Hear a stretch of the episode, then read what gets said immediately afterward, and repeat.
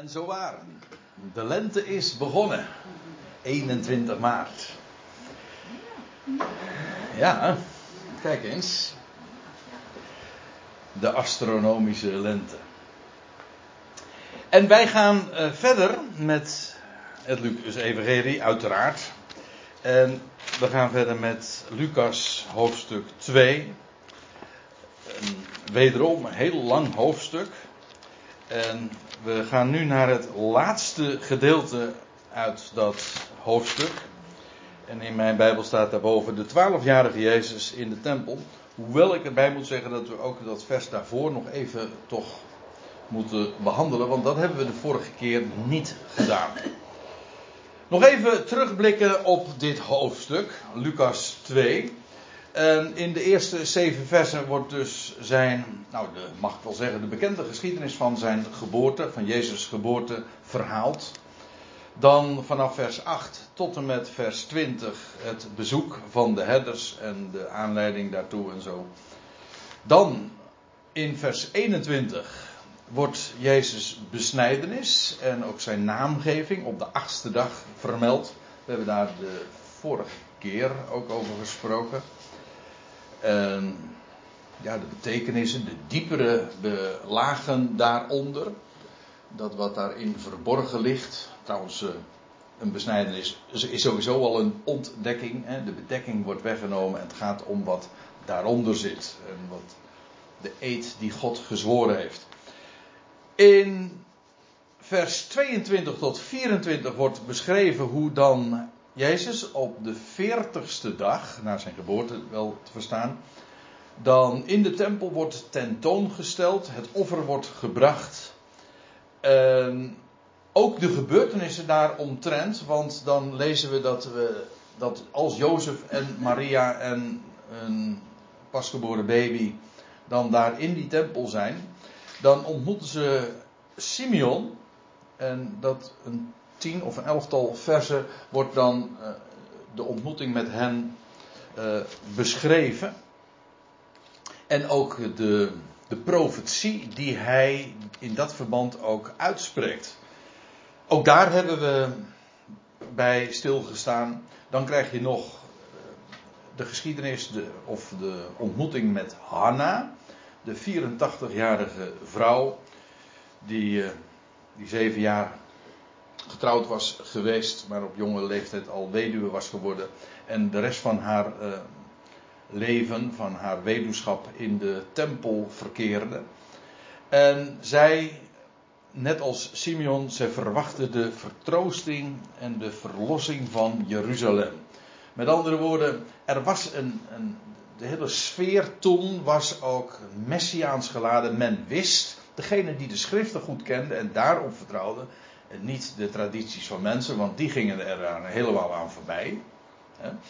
Maar zij die de schriften kenden, die wisten dat in die dagen de Messias geboren zou moeten worden. Dat kon niet anders, want de profetie van Daniel eh, was daarin volkomen duidelijk. Niet alleen maar dat de Messias geboren zou worden en waar en uit welke telg, uit welke geslachtslijn. Dat was allemaal bekend. Maar ook de, het tijdstip, dat moet rond die, moest rond die dagen uh, plaatsvinden. Simeon was daarvan op de hoogte, Hanna eveneens. En nou ja, dat is het laatste geweest wat we hebben besproken. En dat betekent dat we nu in vers 39 zijn aangekomen. En dan staat er, en toen zij, dat is Jozef en Maria, alles tot een einde hadden gebracht naar de wet van de Heer, zoals dat dus beschreven was in de Mosaïsche wetgeving. Allemaal dus op die veertigste dag, want ja, dat moest gebeuren op die specifieke dag. En nou ja, toen hadden ze ook die uh, bijzondere ontmoetingen ook nog eens. Toen keerden zij terug naar Galilea, naar hun stad Nazareth, maar dat wisten we al dat dat hun stad was, want zo was het uh, hoofdstuk ook uh, begonnen. En trouwens, dat in Lucas 1 stond dat ook al vermeld. Maar zij keerden terug naar Galilea.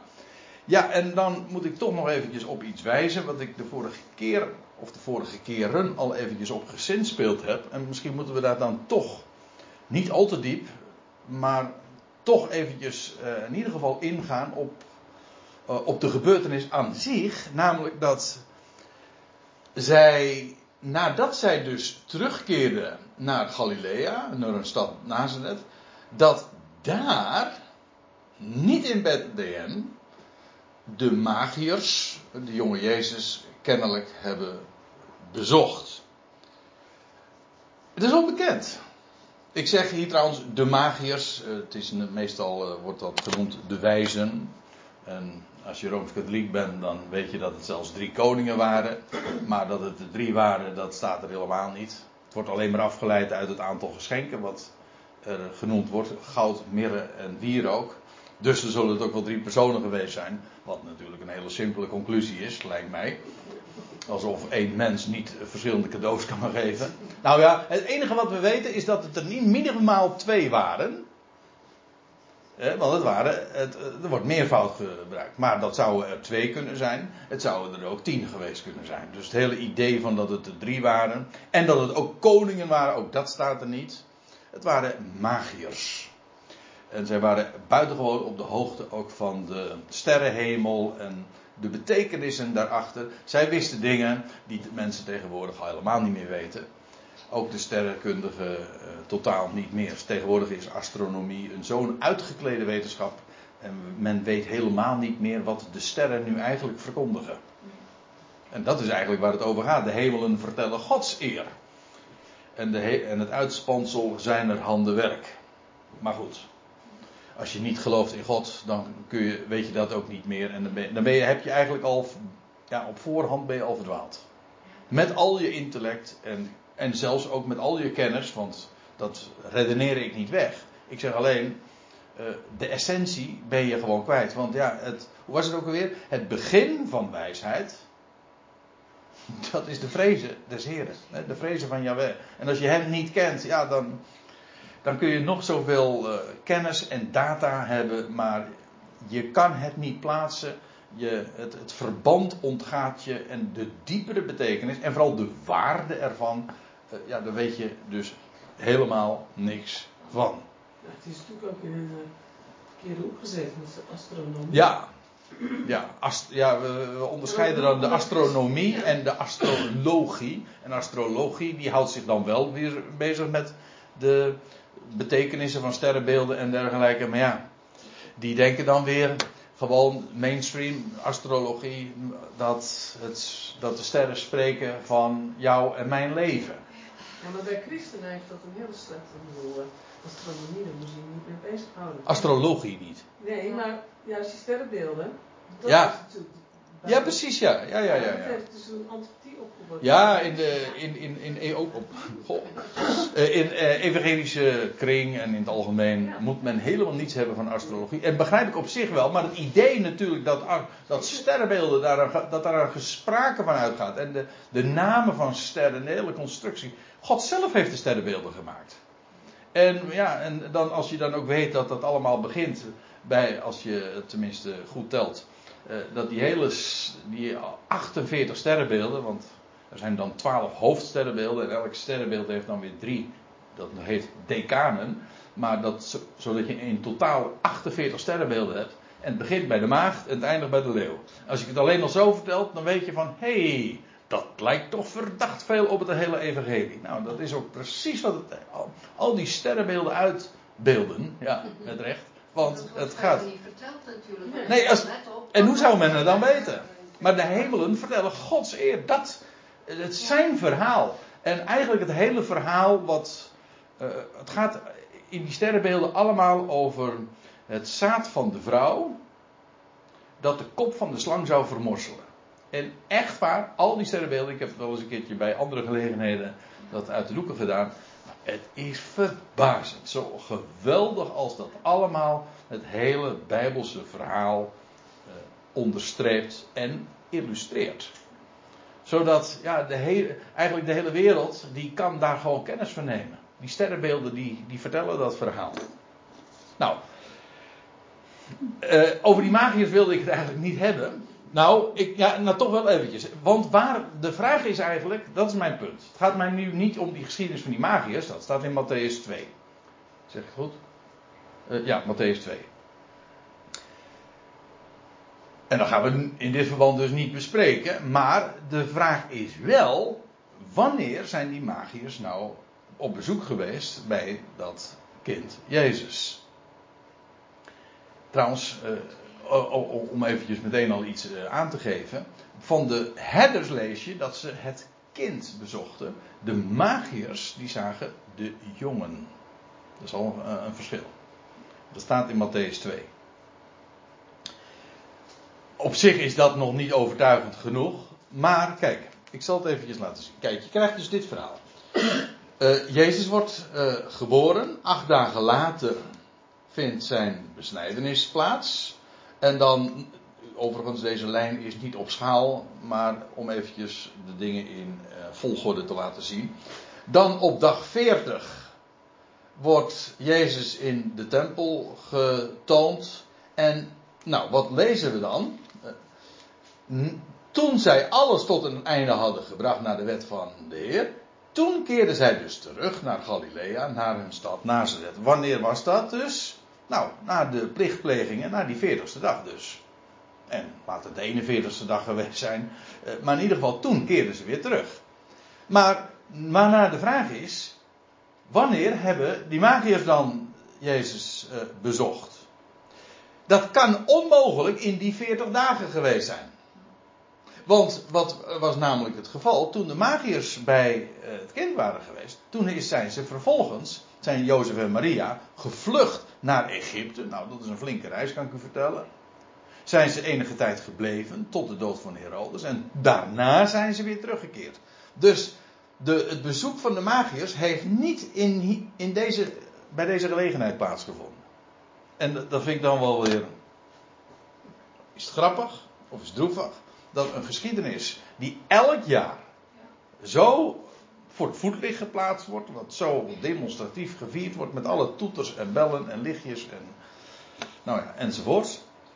Dat, de, dat wat men weet, erover, wat men erover weet te vertellen, dat klopt niet of is gefantaseerd. Bijvoorbeeld, nou ja, waar we het over hadden, dat het drie koningen waren en, nou ja, en zo zijn er nog veel meer dingen. Over het zingen van de engelen hebben we het dan nog niet eens. Maar. En de dingen die er wel staan, die weet men niet. Dus wat, men niet, wat er niet staat, daarvan weet men allerlei dingen te vermelden, maar die zijn gefantaseerd. En datgene wat er wel staat, die, die kent men dan weer niet. Maar uh, het hele idee natuurlijk van dat uh, de herders die waren op bezoek geweest, dat is toch traditioneel een beetje het idee. De herders die waren op bezoek geweest en ze waren, hadden hun voeten nog niet gelicht. En, en toen, waarachtig, toen kwamen er drie koningen op bezoek. Nou, dat kan dus, dus helemaal niet waar. Dat, zo is dat niet gegaan. En, maar dat betekent wel iets anders. Namelijk dat het bezoek van de magiërs dus plaats heeft gevonden nadat Jozef en Maria en het kind al weer terug waren gekeerd in Nazareth. En het idee is altijd dat die magiërs een bezoek hebben gebracht in Bethlehem. Maar als je. Je kunt zeggen van ja, maar als je dat in Matthäus 2 leest, dan zou je die indruk ook krijgen. Ja, maar het staat er niet. Je zou inderdaad die indruk, als je alleen Matthäus 2 zou lezen, zou je het denken, maar het staat er niet. En, en aangezien we Bijbelstudie doen en dat is schrift met schrift vergelijken, vergelijk het met Lucas 2, dan weet je, ah, dat, dat betekent dat zij dus een bezoek hebben gebracht aan Nazareth. En dat is opmerkelijk. Kijk, die magiërs die komen, om eventjes nog het geheugen op te frissen, die magiërs die komen dan in Jeruzalem aan. Want ja, ze wisten, de koning van de Joden is geboren. Ze komen in Jeruzalem aan. Want ja, waar, als je een de koning van de Joden wil begroeten, waar moet je anders wezen dan in de hoofdstad van de Joden? Dus waar het, het koninklijk paleis is, et cetera. Nou, dan komen ze bij Herodes. En, nou ja, Herodes die, eh, die laat dan de schriftgeleerden optrommelen, die natuurlijk gewoon heel orthodox als ze zijn, weten te vermelden van ja, nee, Jezus, de Messias, uh, die zou geboren worden in Bethlehem. nou, dan willen zij op weg gaan naar Bethlehem. En waarachtig, wat het eerste wat ze doen als zij vertrekken uit Jeruzalem, dan zien ze de ster weer. Waarom zou je zeggen? Want ze, hun was juist verteld, uh, je moet in Bethlehem wezen. Ja, dan zien ze de ster weer. En dan zou je denken van nou, die ster die bracht hen in Bethlehem. Nee, die ster die bracht hen in Nazareth dus. En dan, blijkt trouwens uit, uit een, nog een paar dingen. Want ergens, uh, ja, hoe lang dat na Jezus' geboorte is geweest, dat is niet helemaal duidelijk. Eén ding is wel bekend, en dat is dat als later Herodes dan merkt van, hé, hey, ik ben in de, bij de neus genomen door die, door die magiërs, dan laat hij uh, de jongetjes in Bethlehem ombrengen. En dan staat er uh, alle jongetjes van twee jaar en daaronder. En dan staat erbij in overeenstemming met de tijd die hij van de magiërs had vernomen. Dus, nou mag je aannemen dat hij een ruime marge heeft genomen. Maar het geeft aan dat Jezus inmiddels al een minimaal een jaar is geweest en uh, daar overheen. Het was namelijk in overeenstemming met de tijd die hij van de magiërs had vernomen. Dus Jezus was al ergens zo richting de twee jaar. En toen waren Jozef en Maria al lang en breed weer in Nazareth. En dat, blijkt uit nog een paar kleine details. Want de magiërs die gingen namelijk ook het huis binnen. Hè, in Matthäus 2 vers 11. Nou lezen we sowieso niet over een stal. Maar eh, er was geen plaats in de herberg. Dus eh, we hebben het al eerder over gehad. Dat moet dan ergens toch in een, eh, in een buitenverblijf geweest zijn. Of een soort van caravanserij hadden we het over. Ehm, maar in ieder geval, de magiërs die gingen gewoon het huis binnen. En ze zagen de jongen. En dat moet dan dus inmiddels een jongetje geweest zijn die al nou ja, ik mag aannemen, al uh, daar misschien uh, al de deur voor ze geopend heeft, hè? Of is dat wel erg? Uh... Nou, ik, als hij zegt van, ja, maar nou, nou zit je zelf ook te fantaseren, dan geef ik helemaal goed. Maar ik, ga, ik wil maar even de indruk wekken, of een indruk geven. Het was een jongen, die, de, al, een jochie, die dus in principe al kan staan, hè? Hè? Hij liep al hij liep al. Als je twee jaar bent, of tegen de twee jaar, dan, dan moet dat toch kunnen. Ja, onze ster zagen natuurlijk in de tijd. En hebben ze wel lang gewacht eigenlijk. Een jaar. Ja, ze, ze kwamen natuurlijk uit het oosten. Dan nog geen treinen en zo. Ze zijn, met ze zijn uit het oosten zijn ze naartoe. Uh, het waren, het waren zeer vermogende mensen. In die zin dat magiërs. Het, het wordt ook wel trouwens in verband gebracht met het woord magistraten. En dan denk je inderdaad aan mensen van statuur. Hè? Dat, ik bedoel, het, eh, de geschenken die ze meenemen wijzen daar ook wel op. Dat, uh, dan praat je over vermogende mensen die goud uh, en, en, en, meer, en, en vooral meer meenemen. Dus Jezus was inmiddels dus al een, een jochie dat, waarvan we aan mogen nemen dat hij kon lopen. En dat, dat is nog iets. Ik, we hebben er volgens mij al eventjes over gehad. Namelijk dat toen op die veertigste dag. het offer gebracht werd. Wat voor offer brachten zij?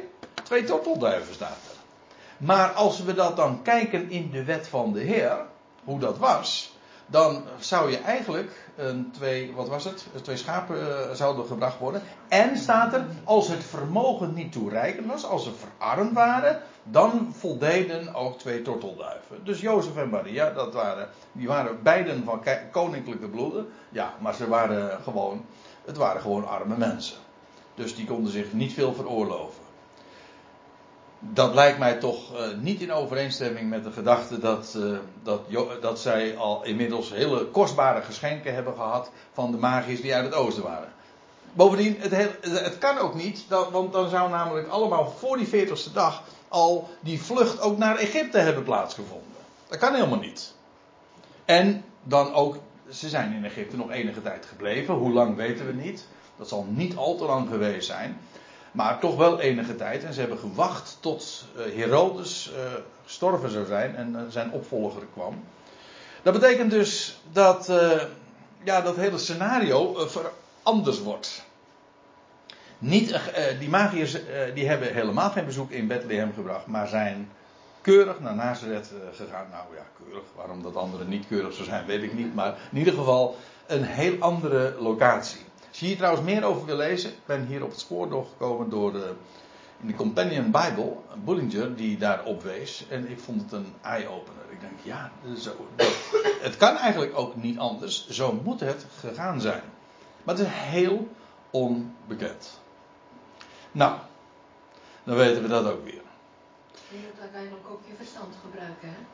Lijkt mij wel. Gewoon met. Ja, en. Ja, als je gewoon schrift met schrift vergelijkt, dan is het uh, onmogelijk dat die magiërs dus uh, in, voor die 40 dagen al uh, bij Jezus op bezoek zijn geweest. En dat betekent dus dat zij op bezoek geweest zijn bij Jezus, nadat het ouderpaar met Jezus al inmiddels weer waren teruggekeerd in Nazareth, waar zij ook gewoon vandaan kwamen. En zo uh, ja, dat lijkt mij een heel logisch verhaal. En het plaatst ook die andere gegevens, die ik hier zo op een rijtje zet, gewoon in een heel logisch ver, verband. Zodat je de dingen dan ook begrijpt. Oh, wacht even. Ja, nou begrijp ik ook waarom zij een, uh, zulke, zo'n karig offer brachten. Ja, omdat ze arm waren. Nou, kennelijk hadden ze nog niet die, die dure geschenken gekregen van, van de magiërs. En trouwens, die twee jaar, ja, dat zou je toch ook moeten opvallen. Het was, en, en, want het wordt er namelijk heel uitdrukkelijk bij gezegd, het was in overeenstemming met de tijd die Herodes bij de magiërs had uitgevorst. Ja, en over die twee jaar en de betekenis daarvan en van die magiërs enzovoort. Daar gaan we het nu niet over hebben, want dan zouden we echt naar het Matthäus-evangelie moeten gaan. Het ging mij puur even om het punt waar we dat bezoek in Lucas moeten plaatsen. En dat moet dus inderdaad na de 40ste dag zijn. En toen keerden zij dus terug. Uh, zij keerden terug naar Galilea, naar hun stad uh, Nazareth. Trouwens, je leest ook in Matthäus 2, vers 23, aan het einde van Matthäus 2, dat zij vanuit Egypte ook weer uh, naar zich vestigden wederom dus in Nazareth.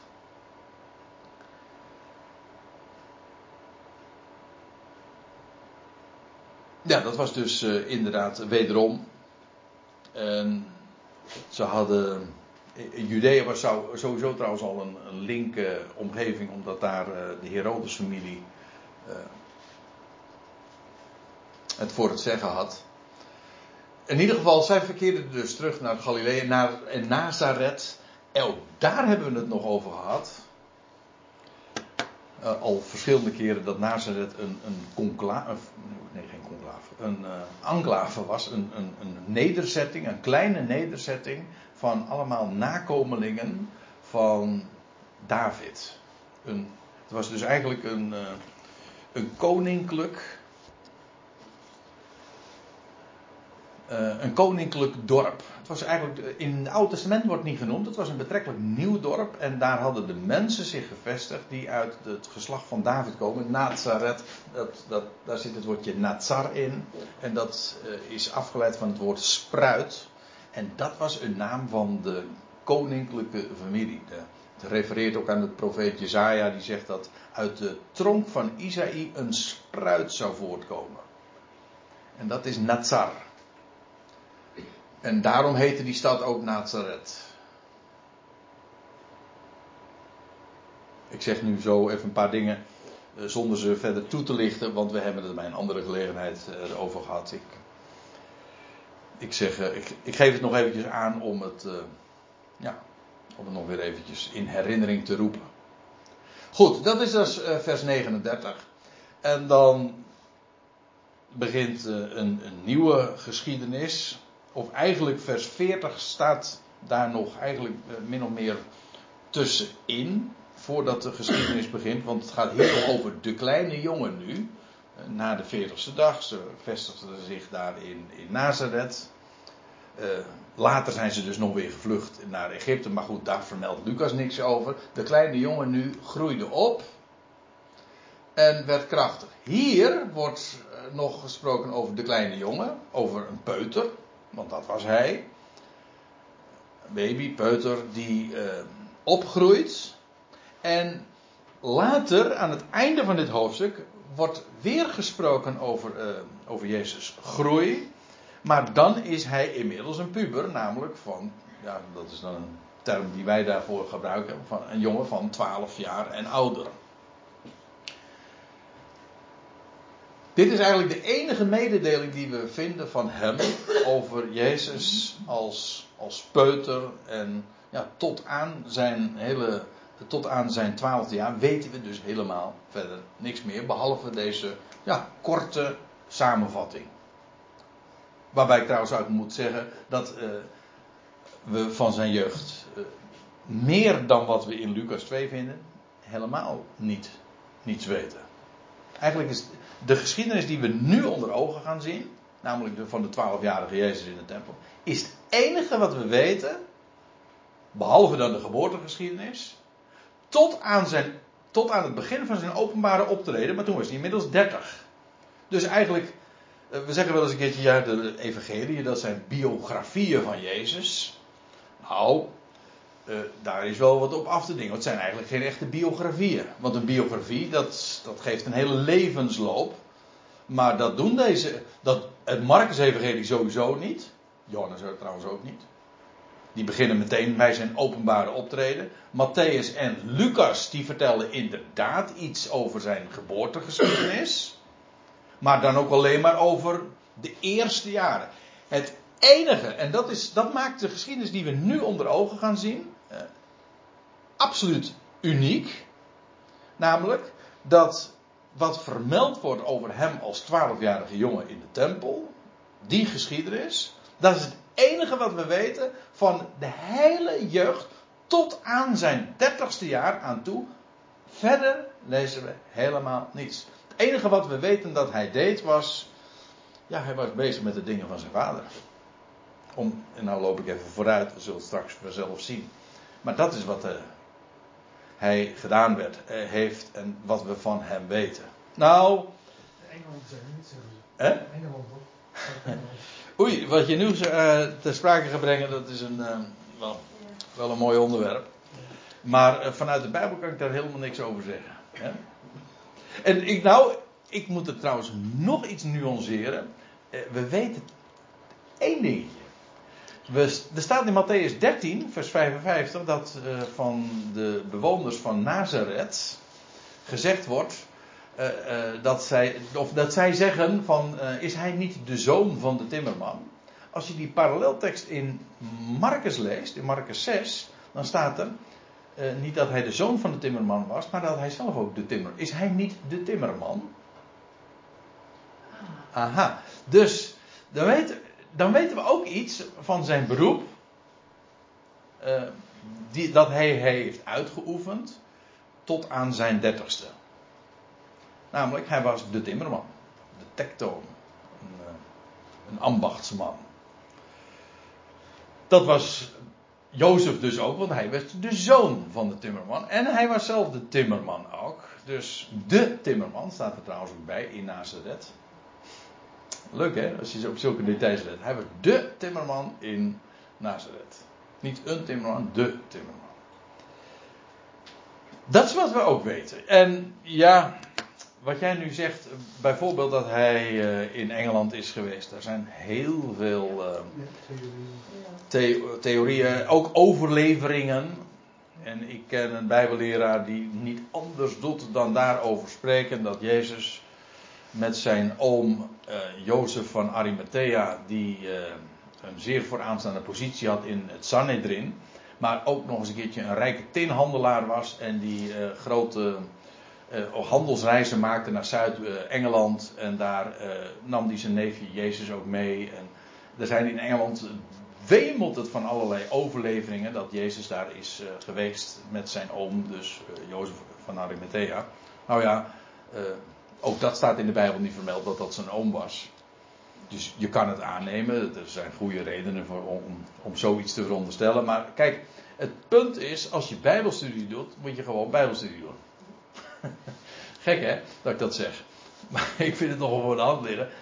En er zijn namelijk ook nog eens uh, andere overleveringen. Dat hij zelfs bijvoorbeeld in Zuid-Amerika is geweest. Maar ook in India. Ja, dat hij. Nou ja, je kan natuurlijk zeggen van ja, maar goed, eh, tussen je twaalfde en, en je dertigste kun je toch flinke reizen ondernemen. Dat is waar. Dat is waar.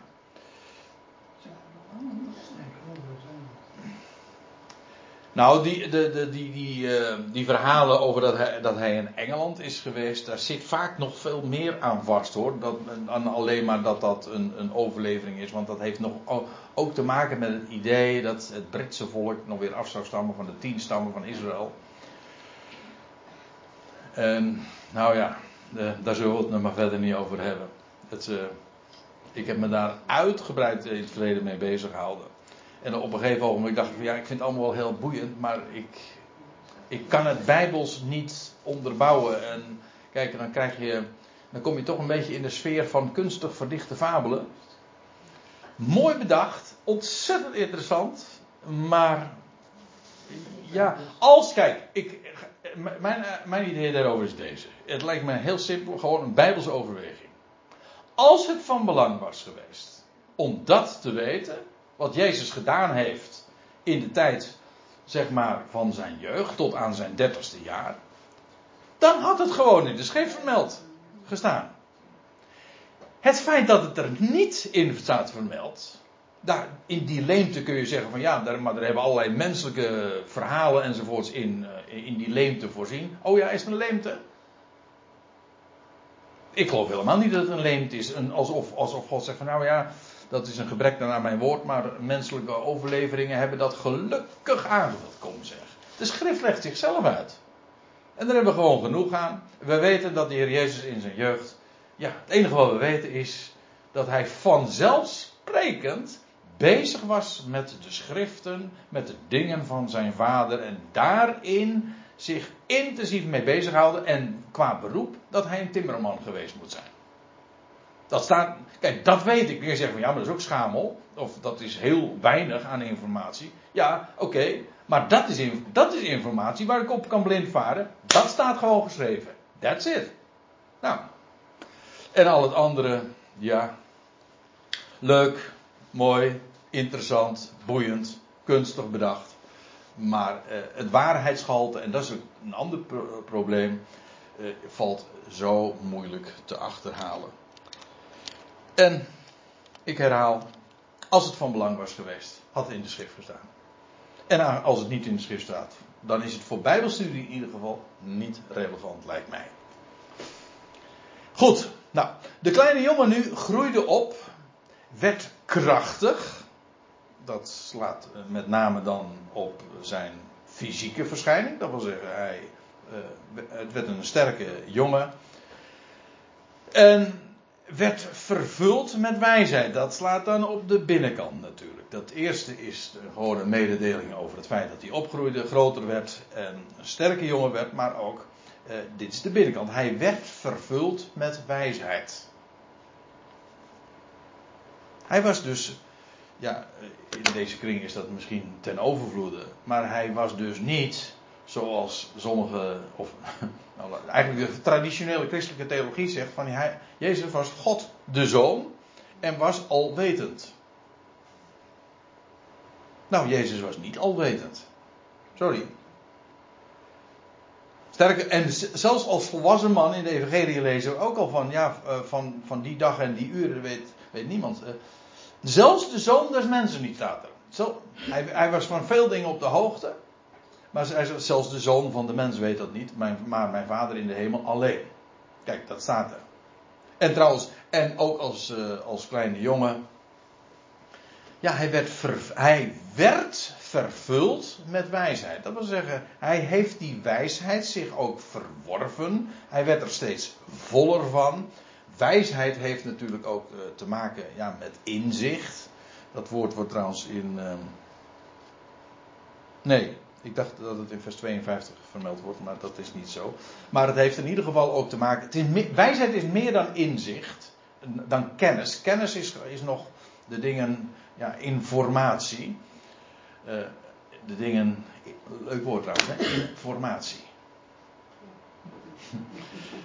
Als je een, als je een, eh, spatie zet tussen in en formatie, dan krijg je, hé, hey, dat zijn data, gegevens. Ja, maar niet, informatie is maar niet zomaar data. Nee, het, is, het zijn data, het zijn gegevens die je, eh, die informatie, zoals, vliegen, zoals vogels informatie vliegen, weet je wel. Nou, dat is, maar wijsheid gaat daar nog weer bovenuit. Wijsheid heeft te maken met, met uitzicht en met een overzicht van de dingen. Het Hebreeuwse woord is. eh, nee, het Griekse woord is Sophie. Sophia. En dat komt, dat is heel leuk, maar dat is nou een Grieks woord, dat komt uit het Hebreeuws. En dat Sophie, Sophia, dat eh, komt uit het, He- uit het Hebreeuws en dat betekent uitkijktoren. En dat werpt zoveel licht op wat wijsheid is. Want, ja, wat is wijsheid? Nou, dat is dat je uitzicht hebt. En daarmee ook overzicht. Je, staat, je bent, ook leuk hè, je bent op de hoogte gesteld.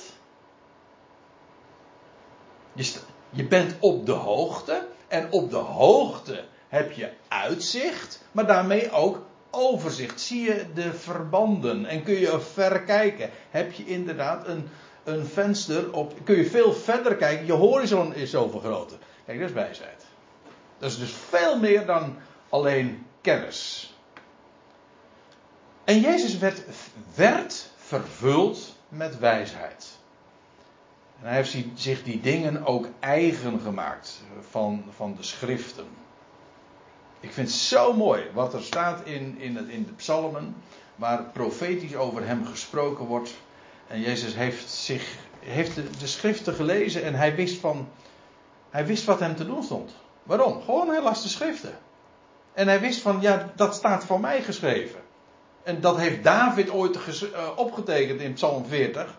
Van zie hier ben ik eh, slachtoffers en offers voor de schuld. Hè? Ja, maar ze vol, eh, dat is de berijming dan. Voldeden aan uw eis nog eer. En toen zeide ik. Zie, hier ben ik, Heer, om uw wil te doen. In de boekrol staat van mij geschreven. Nou, dat was Jezus. Jezus wist van, in de boekrol staat van mij geschreven, hier ben ik, alstublieft. Dus die wist dat alles in de schriften over hem gingen. En zo heeft hij zich die dingen ook eigen gemaakt. En als je dan vraagt van ja, wat heeft hij in die 30 jaar gedaan? Nou, de, dan gaat het er niet om dat hij allemaal reizen heeft ondernomen. Nee, hij, hij is intensief in met de schriften bezig geweest. En dat is precies ook wat we in de Bijbel over, over hem lezen. Dat hij het enige wat we weten is dat hij daarmee intensief bezig was. En hij neemt zelfs zijn ouders kwalijk dat ze dat niet wisten. Of dat ze daar niet aan hadden gedacht. Dat is prachtig dat hij juist als, als jongen. eh, hier, trouwens, ik moet erbij zeggen. Dit staat al van hem vermeld voordat hij 12 werd. Ik bedoel, het navolgende gaat over zijn geschiedenis als 12-jarige jongen en daarna. Maar dit wordt vermeld van de kleine jongen die opgroeide en krachtig werd. En hij werd vervuld. Toen al. Dus zelfs al als tiener. Nee, als. eh, hoe zeg je dat? Als, eh, eh, voordat hij tiener was, voordat hij 12 was, was hij al. vond er zo'n progressie plaats, innerlijk ook. En nam hij toe in wijsheid. Hij werd vervuld met wijsheid. En Gods genade, charis, staat hier, was op hem. Ja, nou ja, dat gaat hand in hand. Ik bedoel, eh, wijsheid, eh, dat uitzicht hebben, de schriften eh, kennen, daar steeds voller van worden. Ja, dat vervult met, met charis, met echte vreugde. En dat is ook zijn charisma geweest. Zijn echt, met recht zijn charisma was dat Gods genade op hem was. En dat maakte hem ook een charismatisch mens. Ik bedoel dat heel letterlijk zoals ik het nu zeg. Gods genade was op hem. Nou, en dan. En nou komen we bij die geschiedenis, de eigenlijke geschiedenis van dat hij als twaalfjarige jongen naar Jeruzalem gaat. En zijn ouders, uiteraard, dat uh, gaat over Jozef en Maria, die wettelijk gezien natuurlijk uh, zijn ouders waren. Maria was ook zijn natuurlijke moeder, maar Jozef niet zijn natuurlijke, zijn biologische vader, maar wel zijn wettige vader. We zullen, als we later in hoofdstuk 3, vers 23 uh, zijn aangekomen, zullen we dat ook letterlijk zo lezen. Naar de wet was Jozef zijn vader. Gewoon naar wettige maatstaven. En zij gingen jaarlijks naar Jeruzalem. Naar het feest van het Pascha. Dat was een hele reis die zij natuurlijk daarvoor moesten ondernemen. Een paar dagreizen ben je dan wel uh, onderweg. En dit was trouwens ook voorgeschreven, want alle mannen, vrouwen was dat niet verplicht, maar mochten dat wel, want het feit dat hier staat zijn ouders, dus ook Maria, ging ook gewoon mee. Dat was, maar van de mannen staat dat ze dat jaarlijks ook zouden doen, of drie keer per jaar zelfs. Naar de, bij de grote hoogtijden, bij, in de eerste maand, in de derde maand met Pinksteren en ook in de zevende maand dan weer. Zou zij naar Jeruzalem optrekken. En Jozef en Maria deden dat jaarlijks ook naar Jeruzalem, naar het feest van het Pascha. Pascha zelf was eigenlijk de veertiende dag, dat met het lam geslacht. En daaraan gekoppeld had je dan het feest van het Pascha. En dat is dan, dat begint dan met de, de ongezuurde broden. En dat duurde een week. Er werd heel wat, er werd heel wat gefeest hoor. Daar in die. Uh... En dan nog niet alleen heel wat keren, maar ook uh, nou, een behoorlijke lengte. Ik bedoel, het Loofhuttenfeest was ook nog eens een keertje zeven dagen, eigenlijk acht dagen zelfs. Dat er echt uitbundig gevierd werd. En dan heb ik het nog niet eens over de feesten die er later bijgekomen zijn, zoals bijvoorbeeld uh, Purim. Dat is trouwens nu uh, aan de gang, geloof ik. Of was van de week aan de gang? Purim. Hè? Is vandaag begonnen? Aha. Ja, ik las er wel over, want die. Was nog wel een heisa over zo'n Joodse, over zo'n uh, hoofdredacteur van Israel Today, geloof ik. Of... Oh, nou ja, in ieder geval. Nou. Nee, nee het, was, nee, het was geen ruzie volgens mij hoor. Maar in ieder geval, uh, Purim is, uh, is begonnen. Maar goed, dat is dan ook nog weer een paar dagen. Maar gewoon de oorspronkelijke feesten.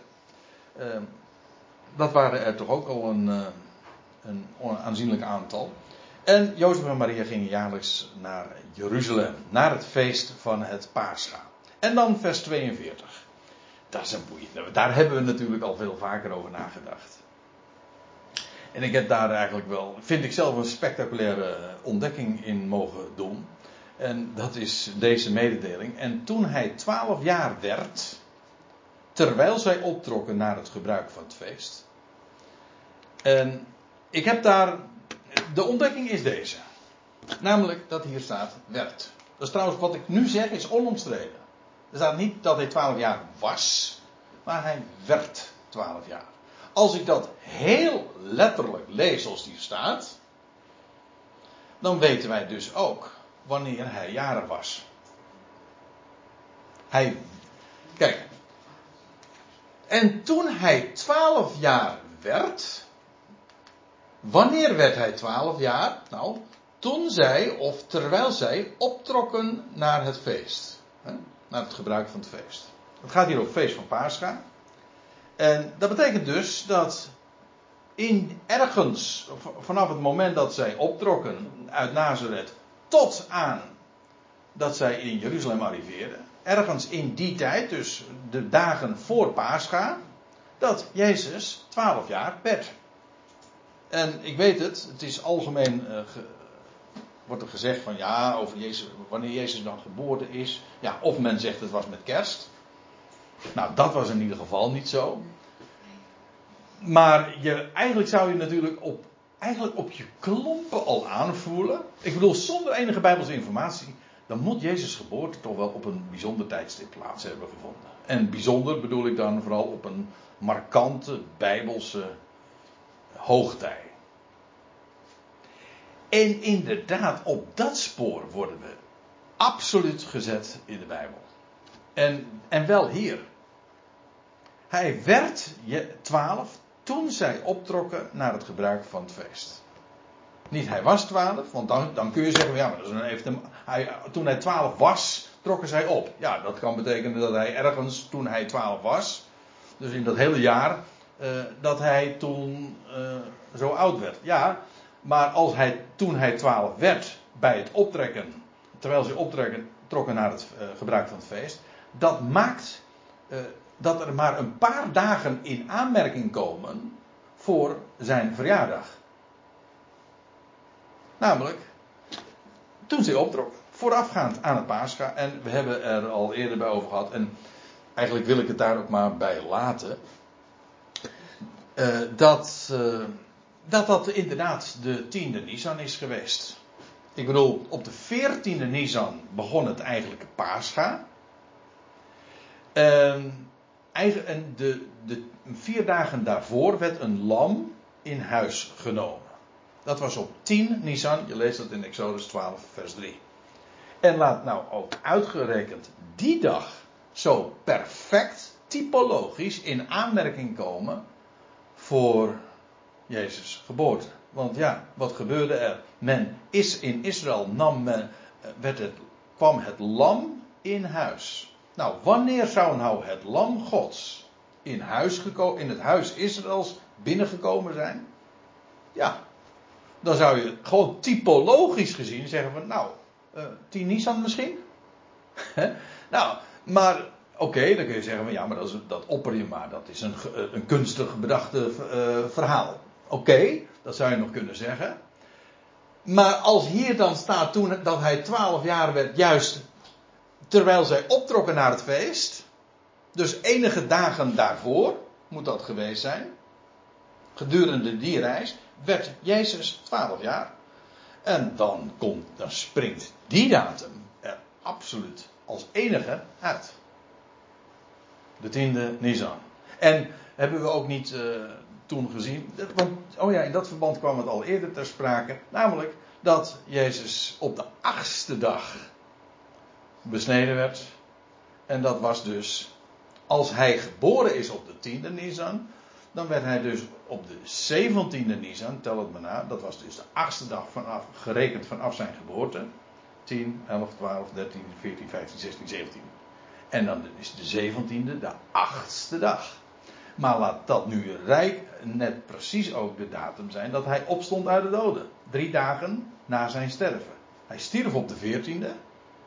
Drie dagen later stond hij op uit de doden en dat was de zeventiende. Zodat de dag van zijn besnijdenis dezelfde datum was als waarop hij later zou opstaan. Maar ook dat klopt typologisch, want zijn besnijdenis spreekt juist ook van de opstanding en van nieuw leven en over de vervulling van Gods belofte, nou ja, enzovoort. Dus je wordt daarin gewoon geweldig bevestigd vanuit de schrift. En ook hiervan kun je zeggen van ja, de Bijbelse informatie is heel sumier over het tijdstip dat de Heer Jezus geboren is. Dat is waar.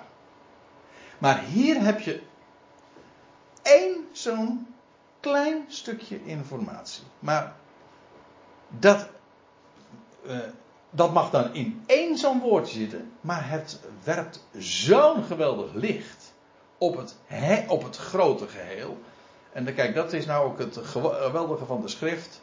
Dan is, kijk, mensen kunnen soms uh, hele verhalen houden en zeggen, wat heeft hij nou eigenlijk gezegd? Maar de schrift gebruikt één woordje en daarmee is alles gezegd. Alleen al in dit woordje werd, hij werd, Daarin ligt al zo enorm veel rijkdom besloten over wie Jezus was en hoe hij en wanneer hij zijn intrede deed in het huis van Israël, maar ook op het tijdstip van zijn besnijdenis en, en dat dat alweer verwijst naar zijn opstanding uit de doden. Prachtig, moet ik zeggen. Ik vind het geweldig.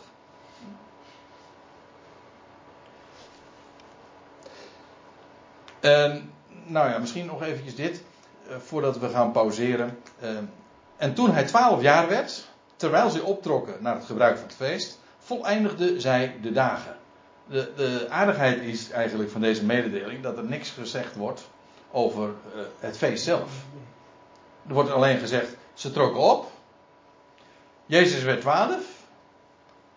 En zij voleindigde de dagen. En dat betekent gewoon dat zij eh, dat hele feest, die, die hele week, die week van die ongezuurde broden. Pesach heet dat, eh, noemen ze dat gewoon. Het feest van Pesach. Dat duurde zeven dagen. Dus van de 15e tot en met de 21ste hebben ze daar eh, in Jeruzalem gebivakkeerd. Zij voleindigde de dagen. Nou, en dan staat er. De jonge Jezus niet de jonge Jezus. uh, dat zou ook kloppen, maar het gaat uit, uh, Jezus was een jongen. De jongen. Namelijk Jezus. Hij bleef achter in Jeruzalem. Terwijl zij, Jozef en Maria, de ouders, terugkeren. En zijn ouders wisten het niet. Daarover gaan we straks verder. Ik stel voor dat we eerst.